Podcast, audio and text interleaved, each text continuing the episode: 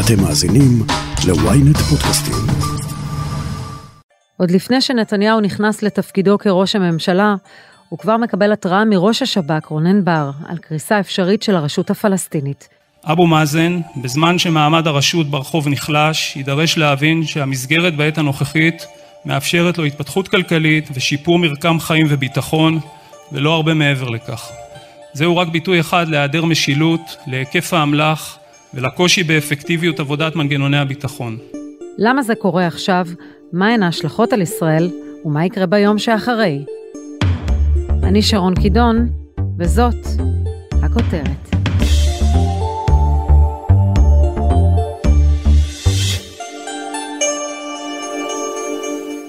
יושב ראש הרשות הפלסטינית אבו מאזן הרשה לעצמו להגיע לפתיחת משחקי המונדיאל בקטר, עם הגעתו הוא התקבל בברכה ובחגיגיות רבה על ידי בכירים בממשל הקטרי.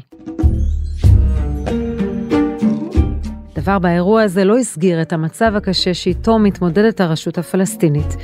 מדובר בימים קריטיים לרשות, או כפי שמזהירים בכירי מערכת הביטחון, אנחנו קרובים למצב של התמוטטות הרשות, שיכולה להשפיע באופן דרמטי על ישראל.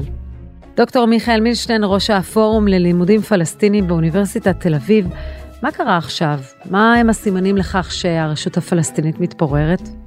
אז אנחנו מדברים בעצם, שרון, על אה, מציאות מאוד מאוד מתעתעת, מאוד מורכבת באיו"ש בשבועות, אולי בחודשים האחרונים, שבמסגרתה באמת אנחנו רואים הרבה מאוד סימנים מעידים בעייתיים להתרופפות מסוימת של, ה, של השליטה של הרשות, אבל מצד שני, ואת זה חייבים להגיד, יש גם עדיין ביטויים לכך שבחלק מהאזורים, אולי אפילו ברובם, הרשות עדיין היא, היא גורם אה, עם יציבות והרשות היא עדיין גורם שולט. אני חושב, וכאן אנחנו חייבים לעשות סוג של אה, דיפרנציאציה, סוג של אה, חלוקה גיאוגרפית, שכשאנחנו אומרים ביטויים להתרופפות המשילות של הרשות, אנחנו בעיקר מדברים על אזור צפון השומרון, על שכם ועל ג'נין, שבחודשים האחרונים הם באמת המוקד המרכזי אה, לכאב הראש הביטחוני של ישראל, ושם אנחנו רואים כמה דברים מעניינים. קודם כל מבחינת סדר ציבורי, המנגנונים, מנגנוני הביטחון של הרשות, בעצם לא, לא מספקים, נקרא לזה ככה במרכאות, את הסחורה. לא במאבק בגורמי הטרור, וכמו שאנחנו רואים, ישראל בעצם נשאבת לתוך המאבק הזה, ולא בהשלטת סדר ציבורי.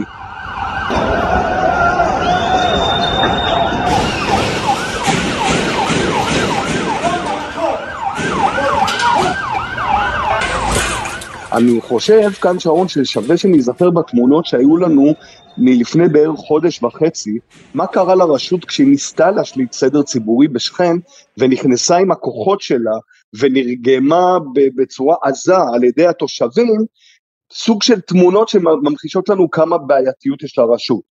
מעבר לזה, יש לנו גם כל מיני ביטויים, אבל כאן בעוצמות יותר חלשות מאשר בהיבט הביטחוני, של אה, קושי להתמודד עם, אה, עם אה, תופעות של אלימות ושל פלילים שלא הגיעו לנסיקה חדה כמו לדוגמה בחברה הערבית בישראל אבל הן כן מצויות בעלייה וקושי מסוים לתת מענה לצרכים האזרחיים של, של התושבים הפלסטינים. כאמור זה מאוד בולט בצפון השומרון זה פחות בולט באזורים אחרים אבל זה סוג של סימנים שהייתי אומר, ואני כאן מנסה אה, להיזהר בעודף הדרמטיות של, התיאור, שלפחות ב-20 שנים האחרונות, או לפחות מאז שהסתיימה אינתיפאדת אל-אקצא, האינתיפאדה השנייה, לא ראינו כאלה סימנים של רפיון מבחינת הנוכחות, מבחינת הכוח של הרשות אה, בשטח. כל כמה זמן אנחנו שומעים את האזהרות הללו, הרשות מתפוררת, הרשות קורסת, האם עכשיו זו אזעקת אמת? למה זה קורה עכשיו? התשובה לכאורה המאוד אה, טריוויאלית והיא גם קשורה לגל האלימות שאנחנו חווים בחודשים האחרונים היא שיש לנו אה, את ה... נקרא לזה הסיבות המובנות מאליהם היעדר אופק ואופק מדיני וקשיים כלכליים שגורמים לכך שלמעשה הרשות אה, תאבד ביטחון או תאבד יכולת לשלוט בשטח. בפועל וכאן אני עושה את זה הרבה כשאתה מדבר עם פלסטינים אה, לעומק, אתה מגלה שהסיפור הוא הרבה יותר מורכב. העניין הוא לא רק, ה, נקרא לזה, הסיפורים המדיניים או הכלכליים, אלא באמת הדימוי הפנימי, המאוד בעייתי של הרשות בעיני הציבור הפלסטיני.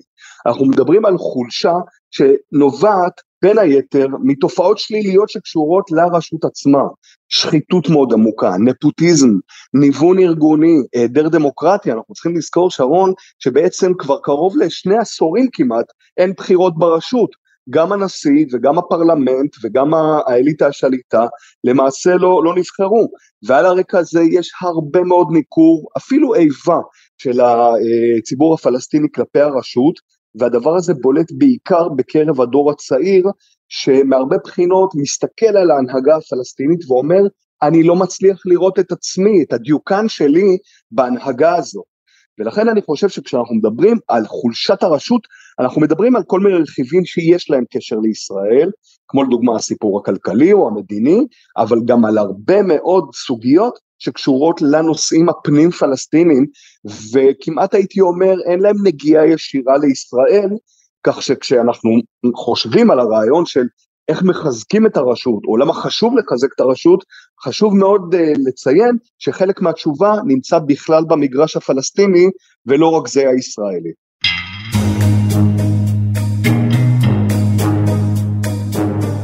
مجرد أن قالوا القدس تضم لإسرائيل لن أقبل هذا الحل إطلاقا لن أقبل بأي شكل كان ولن أسجل على מחמוד עבאס, המכונה אבו מאזן, מכהן כיושב ראש הרשות הפלסטינית מאז 2005, כשנבחר לתפקיד בעקבות מותו של יאסר ערפאת. כהונתו הייתה אמורה להסתיים ב-2010, אך בעקבות סכסוכים פוליטיים פנימיים בין החמאס לפת"ח, לא נערכו מאז בחירות ברשות הפלסטינית. אבו מאזן אולי ניצח את הפוליטיקה ונשאר בתפקיד, אבל את הביולוגיה קשה לנצח. וכאן אתה מוצא שהשיח הפלסטיני בנושא הזה הוא רווי בהרבה מאוד מבוכה, כי הסיפור המרכזי הוא שאבו מאזן הוא לא דיקטטור אה, משליט אימה שבאמת שולט בעוז ובכיוון מאוד נחוש קדימה, הוא מנהיג מאוד מאוד חלש. ולמרות שהוא מנהיג חלש, א', אתה לא רואה סוג של uh, התמודדות פנימית או איזה סוג של uh, בעירה של uh, אנשים שרוצים להיות בצמרת, וב', כשאתה מסתכל על גלריית השמות, והפלסטינים עושים את זה הרבה, של המועמדים האפשריים, אתה מוצא גלריה מאוד חיוורת. לא רק חיוורת, אלא הרבה מאוד אנשים שחלק גדול מהציבור הפלסטיני ממש מרגיש כלפיהם סוג של איבה. בין אם בגלל האשמות בשחיתות ובין אם בגלל גילאים שלהם שהם מאוד מתקדמים, ככה שהסיפור הזה של נקרא לזה התקדמות המערכת הפלסטינית לקראת נקודת היום שאחרי אבו מאזן, מכניס עוד יותר את המערכת לחוסר ודאות, לחוסר ביטחון, ועוד יותר מחדד את השאלה של האם הרשות הזאת, אני מזכיר כאן אנחנו שלושה עשורים עם היצור הזה שנקרא הרשות, האם היא יכולה להמשיך הלאה? האם היא באמת הפכה להיות עובדת קבע, ולדוגמה אחרי אבו מאזן אה, נמשיך גם עם יורש אחר אה, ביציבות הזאת, או שהיא מאוד מאוד פריחה, והיא דבר שיכול לחלוף יחסית באופן מהר, מה שכמובן יש לו השפעה עמוקה על הפלסטינים, אבל כמובן גם השלכות דרמטיות, אסטרטגיות על ישראל. ישראל מנהלת דיאלוג אמביוולנטי עם הרשות של אבו מאזן. היא מקיימת מצד אחד שיתוף פעולה צבאי ואזרחי, ומהצד השני מפעילה גם סנקציות כבדות, כמו מניעת העברות כספים או הכנסת כוחות צבאיים לאזורי שליטת הרשות, כאשר יש צורך. המצב הזה הוא מצב מורכב. ישראל מכירה ברשות, אבל מפעילה כוחנות כשהיא חשה באוזלת יד בתחומים מסוימים. השאלה היא כיצד ישראל תתמודד עם מציאות של קריסת הרשות והתפרקות מוסדותיה. אנחנו ככה מאוד מחדדים בישראל את המונח הזה קריסה או אפילו החזרת מפתחות כשהפלסטינים מאיימים, אבל בעצם מה שכנראה צפוי לנו הוא לא איזה רעש גדול של את יודעת נפילה גדולה של המנגנון הזה של הרשות, אלא כנראה סוג של התפוגגות, סוג של היעלמות הדרגתית, אולי אפילו שקטה של הרשות. כאן אני חושב שמה שאנחנו צריכים להתבונן או להתמקד בו כישראלים, זה מצב שבמסגרתו בכל מיני מוקדים, אה, ואולי בעצם בתהליך הדרגתי, אנחנו נראה סוג של חללים שנוצרים גם בממד הביטחוני וגם בממד האזרחי. שכם לדוגמה כרגע היא ממש אה, ביטוי לזה. חלל כזה מושך את ישראל פנימה לא רק לעשות סדר או, או למגר גורמי טרור, אלא גם להתחיל לתת שירותים אזרחיים, כמו לדוגמה חינוך ובריאות וסדר ציבורי ואפילו פינוי אשפה ואני מאוד חושש בנקודה הזאת שאנחנו נתחיל להישאב פנימה בכל מיני מוקדים באיו"ש למילוי של אה, תפקיד הריבון, בעצם המילוי, מילוי התפקיד שהרשות אמורה לעשות היום. יש הרבה מאוד פלסטינים, בעיקר בני הדור הצעיר, שלא רק שזה לא מפחיד אותם, הם אפילו רוצים את זה. כי הם טוענים שזה סוג של מציאות שהיא עדיפה על פני הרשות. ואני מסמן את הנקודה הזאת כנקודה סופר קריטית וסופר אסטרטגית מבחינת ישראל, כי זו יכולה להיות בעצם נקודת התנועה שלנו לקראת מציאות של מדינה אחת. אם אנחנו נתחיל לדוגמה לספק שירותים אזרחיים ולהיות הריבון בפועל בטול כרם ובקלקיליה, אולי אפילו ברמאללה ובחברון, המשמעות היא שאנחנו הולכים ומטשטשים את הגבולות הפיזיים, את הקו הירוק, ואנחנו הופכים גם בלי תכנון, ויכול להיות שגם בלי רצון, לריבון בפועל, תוך כדי יצירה של מציאות של מדינה אחת, אה, שבעיניי זה לא פחות מאשר סיוט אסטרטגי.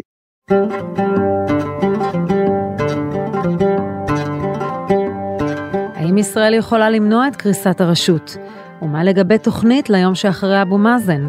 הודעה קצרה, ומיד נמשיך עם הכותרת. Ynet רדיו, הרדיו הדיגיטלי הראשון בישראל, מחכה לכם בכל מקום ובכל זמן שתבחרו, עם נבחרת המגישים שלנו ומיטב התוכניות. ynet רדיו, להאזנה באפליקציה ובאתר ynet.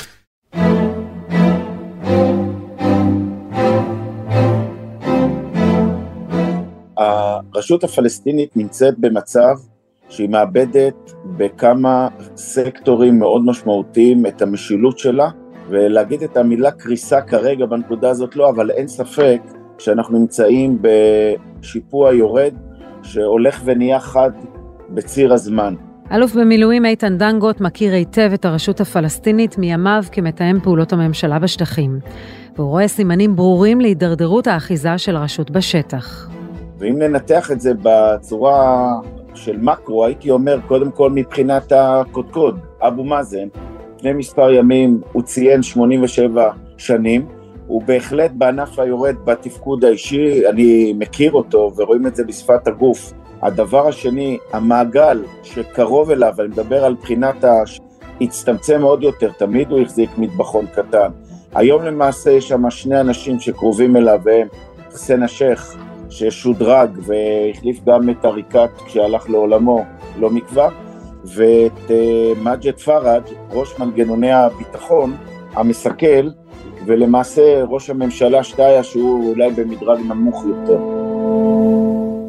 הייתי אומר שהמפנה המשמעותי הוא לא רק בענייני מדינת ישראל, כי לדעתי פנים מדינת ישראל חלו פה הרבה מאוד השפעות עם אה, פריצת שומרי החומות, גם אצל אבו מאזן, כי מה שהאיץ את האירוע, אם את זוכרת, היה ההחלטה של אבו מאזן שהייתה צפויה והכריז על בחירות, לסגת ולבטלן.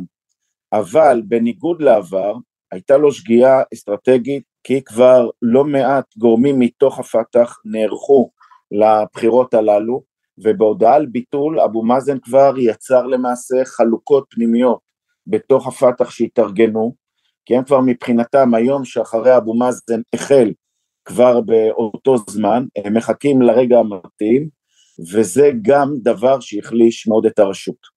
עד כמה המצבה הכלכלי המדרדר של הרשות יכול להביא לקריסתה? הרשות אה, למעשה בתהליך שהייתי אומר כבר של עשור, אפילו יותר, שבהם המשאבים הכספיים שהפעילו אותה, הניעו אותה מתשלום אה, משכורות ושימור האדמיניסטרציה שבאמת נבנתה בצורה, הייתי אומר, אה, יפה, צמצמו בצורה משמעותית התרומות או התמיכות שהגיעו לרשות הפלסטינית, וזה מה שנקרא שובר שוויון מהותי, ואם דיברת על קריסה, זה מאיץ קריסה. כי האדם שבשורה התחתונה, פקיד, שלא מקבל את משכורתו וחוסר יציבות של כבר מספר שנים, אין לו יציבות, אין לו ביטחון, מחפש אלטרנטיבות והקופה הידלדלה. And I spoke to some of the people involved. And I said, Did you ever talk about the vast amounts of funds, money, that we give to the Palestinians? We give, you know, hundreds of millions of dollars, tremendous numbers, numbers that nobody understands. That money is on the table, and that money is not going to them unless they sit down and negotiate peace. Because I can tell you היא הידלדלה בשל העובדה שמדינות כמו ארצות הברית, בדגש מאז עלייתו של טראמפ, האיחוד האירופי, מדינות המפרץ, נסוגו ולא סייעו לרשות, ש... וגם מהלכים שביצעה ישראל, שהתחילו למעשה כבר בשנת 2014, שכוונו אולי בכוונת מכוון תחילה לפגוע בעובדה שאבו מאזן מעניק כספים למשפחות שהידים, אבל הסתבר שהדרדור של הרשות עקב אי קבלת כספים הוא גבוה ולישראל היה אינטרס לשמר את זה ואפילו ישראל פעלה בכמה מקומות כדי שייתנו כספים. הקורונה יצרה בלימה מהותית לדבר הזה כי מדינות העולם התעסקו במשברים שאין בעצמן את המדינות חוות אותם, אירופה שהייתה סמל לתמיכה גם אם היא תעמוד בתשלום ואנחנו רואים מצב שקופת הרשות היום מדלדלת וזה בא לידי ביטוי גם באיגום של פרויקטים ודברים אחרים. כשאת מאחדת את כל הדברים הללו של משאבים, של הביטחון האישי של האזרח הכלכלי, שזה היה למעשה הדגל שראינו בשלוש עשרה שנים האחרונות, שמרבית תושבי יהודה ושומרון, דרך אגב כולל היום, מדירים את רגליהם מאלימות ועדיין נותנים מה שנקרא מקדמה לטובת הכלכלה, מצביעים ברגליים כי הם מבינים מחיר הפסד, הדבר הזה הולך גם ומצטמצם, ואת מגיעים פה למצב שנוצרו לנו בתוך הרשות כבר מודלים אחרים, שבהינתן מצב שאם אבו מאזן באופן טבעי מפנה את כיסאו, יאיץ פה קריסה שהיא נצפית כבר לא בטווח רחוק, אלא בין טווח קצר לטווח בינוני. כמי שמכיר היטב את שיתוף הפעולה עם הרשות, מה המשמעות של הידרדרות ואפילו קריסה עבור ישראל? תראי שרון, קודם כל, כשמדברים על הידרדרות, אנחנו כבר נמצאים בדרדור בחלק מהאזורים. המודל זה בצפון השומרון, בעיקר באזור ג'נין. קודם כל אנחנו רואים מול מי אנחנו נעמוד, אנחנו רואים פה מודלים של חלוקה גיאוגרפית ולא חלוקה ארגונית. זאת אומרת, אנחנו לא רואים פה פת"ח, חמאס, ג'יהאד איסלאמי מובילים קבוצות משלהם באזורים, אלא התאגדויות על רקע של אזורים גיאוגרפיים. ג'נין והאזור, שכם והאזור, חברון והאזור, זה שלושה מוקדים מרכזיים, וגם אפשר ללכת לאזור טובאס בואכה בקעת הירדן.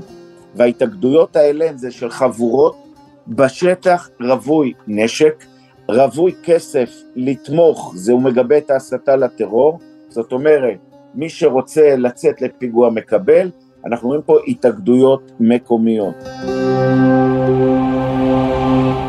כרגע החיבור מצד שני בין ישראל לבין הרשות הפלסטינית בכללותה הוא חיבור סיאמי, זה לא יעזור לאף אחד.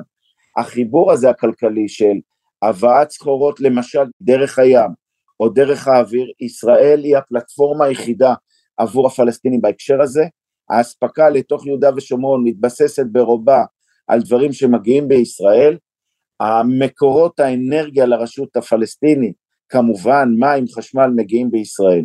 אנחנו רואים שזה בא לידי ביטוי קודם כל מבחינת טרור, הוצאת יותר נשק, יותר תעוזה, כי זה יצרף תחושה של אובדן שליטה, של קריסת משילות יותר מעמיקה, תביא יותר אנשים מבחינה זאת לרחוב. המובילים שלה דרך אגב הם בני הדור הצעיר של חומת מגן לפני או אחרי במספר שנים שלא ידעו את התקופה, אבל גם לאחרונה אנחנו רואים שהם מצטרפים אליה בפיגועים אינדיבידואליים בעיקר, מאפיינים של אנשים שהם בני 40 עד 50 פלוס, גם חלקם שירתו במנגנונים הפלסטינים.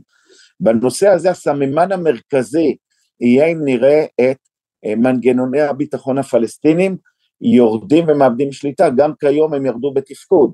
حماس تستولي على قطاع غزة بمساعدة الصواريخ وحرق بيوت نشيطي فتح والأسوأ من ذلك هو قتل عائلات المقربين لأبو مازن أولادهم ونساء אז מה עושים כדי שלא תהיה רצועת עזה נוספת?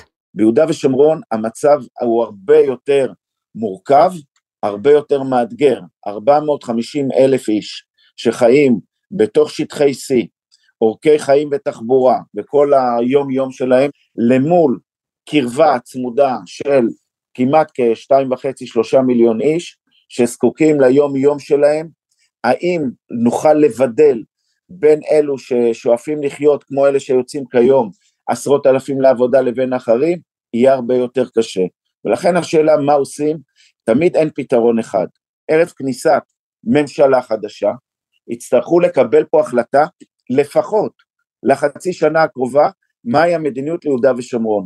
באזור מרץ כבר מתחיל הרמדאן, מתח דתי עולה, הסתה עולה, אל-אקצא יהיה פתאום במרכז הזרקורים, ולכן הממשלה הנוכחית תחליט האם היא שומרת על סטטוס קוו, מתוך ראייה לא להגיע לעימות. אלוף במילואים איתן דנגוט, לשעבר מתאם הפעולות בשטחים, תודה רבה על השיחה.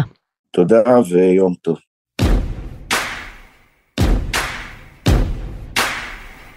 אני אקים ממשלה לאומית שתדאג לכל אזרחי ישראל בלי יוצא מן הכלל. לממשלה החדשה בישראל אתגר לא פשוט, להתמודד מצד אחד עם הטרור הפלסטיני, אבל מהצד השני לא לתרום לקריסת הרשות. לסיכום, דוקטור מיכאל מילשטיין, איזו תוכנית אסטרטגית ישראל יכולה להכין כדי להיערך להמשך? אז כאן אנחנו נכנסים בעצם, שרון, לשאלה מאוד סבוכה, כי אנחנו בעצם כנראה עומדים אה, להתייצב מול ממשלה חדשה שיש לה תפיסה אידיאולוגית אחרת לגמרי אה, מהממשלה הקודמת, אולי אפילו שונה גם מממשלות הימין של העשור וחצי האחרונים. חשוב מאוד שנתחיל את ההתנהלות מול הזירה הפלסטינית, לא בצורה של אה, שינויים דרמטיים ומהפכות והפיכת שולחנות, ונקרא לזה סוג של אה, חיסול כל מה שהיה קודם, כמו לדוגמה הרשות עצמה, אלא דווקא בייצור. אני יודע שזה יהיה קשה לממשלה הבאה, כי זה לדוגמה אומר שאתה לא ישר מתחיל בענישה מטורפת של הרשות, ואתה אפילו מפגין סוג של חשיבות לגבי כל מה שחשוב לייצוב שלה, למרות שהיא עושה מהלכים קשים, כמו לדוגמה לפנות לבית הדין הבינלאומי בהקשר שלנו, אבל אני חושב שהחלופה של קריסת הרשות כרגע היא הרבה יותר גרועה מבחינה אסטרטגית עבור ישראל. ולכן אני חושב שמה שנדרש מישראל, לפחות בטווח הנראה לעין, הוא קודם כל לוודא שיש ייצוג בסיסי של הרשות, וכאמור, להימנע כמה שאפשר מענישה כלכלית. אנחנו צריכים לזכור, שרון, שנכון להיום, 64% מהתקציב של הרשות תלוי בהעברת כספים מישראל. אם אתה תתחיל להעניש אותם אה, באמצעות קיזוז הכספים האלה, המשמעות היא שאתה תתחיל למלא את כל הפונקציות האזרחיות שהרשות כרגע אה, ממלא. אני חושב שעד כמה שאפשר חשוב, לפחות בטווח הנראה לעין, לשמור על התיאום. אני חושב שכמה שאפשר, וראינו שזה מאוד בעייתי, לדחוף את הרשות ליטול אחריות במקומות שבהם ישראל, נקרא לזה במרכאות, עושה סדר, ולצד זה, וזה אירוע שאנחנו קצת נוטים לשכוח, אבל חשוב מאוד לשים אליו לב, כל הזמן למנוע הרמת ראש של החמאס באיו"ש, והחמאס כל הזמן מעריכה את החולשה של הרשות ומנסה להרים ראש, וכאן כמעט הייתי אומר, יש לנו אינטרס משותף, לנו ולרשות, לא לתת לחמאס להיכנס לאיזה שהם חללים. לכשנעמוד במצב שייצבנו את, את המציאות, זה כמובן לא הפתרון. מכאן אנחנו חייבים להתחיל להיכנס לכל מה שדיברנו עליו קודם, לקבוע אסטרטגיה עמוקה ולחשוב לאן אנחנו הולכים. האם למציאות בפועל של מדינה אחת ומה זה אומר, או שאנחנו כן צריכים לפתח את הרעיון של לשים חיץ, אני כבר לא מדבר על חזון שתי המדינות, כי לדעתי הוא, הוא די מאחורינו, אבל כן היפרדות או הפרדה, ומה זה אומר, אני חושב שבלי הדיונים האלה אנחנו נמצא את עצמנו במציאות אסטרטגית מאוד מאוד קשה שתקרין אה, לעומק על אה, מה שקורה בזירה הפנימית בישראל. דוקטור מיכאל מילשטיין, תודה רבה על השיחה. תודה לך שרון. גם אם חייה של הרשות הפלסטינית אינם תלויים רק בחייו של יושב ראש הרשות אבו מאזן, עדיין שינויים פוליטיים ואזוריים מצביעים על סכנה אפשרית לעתידה.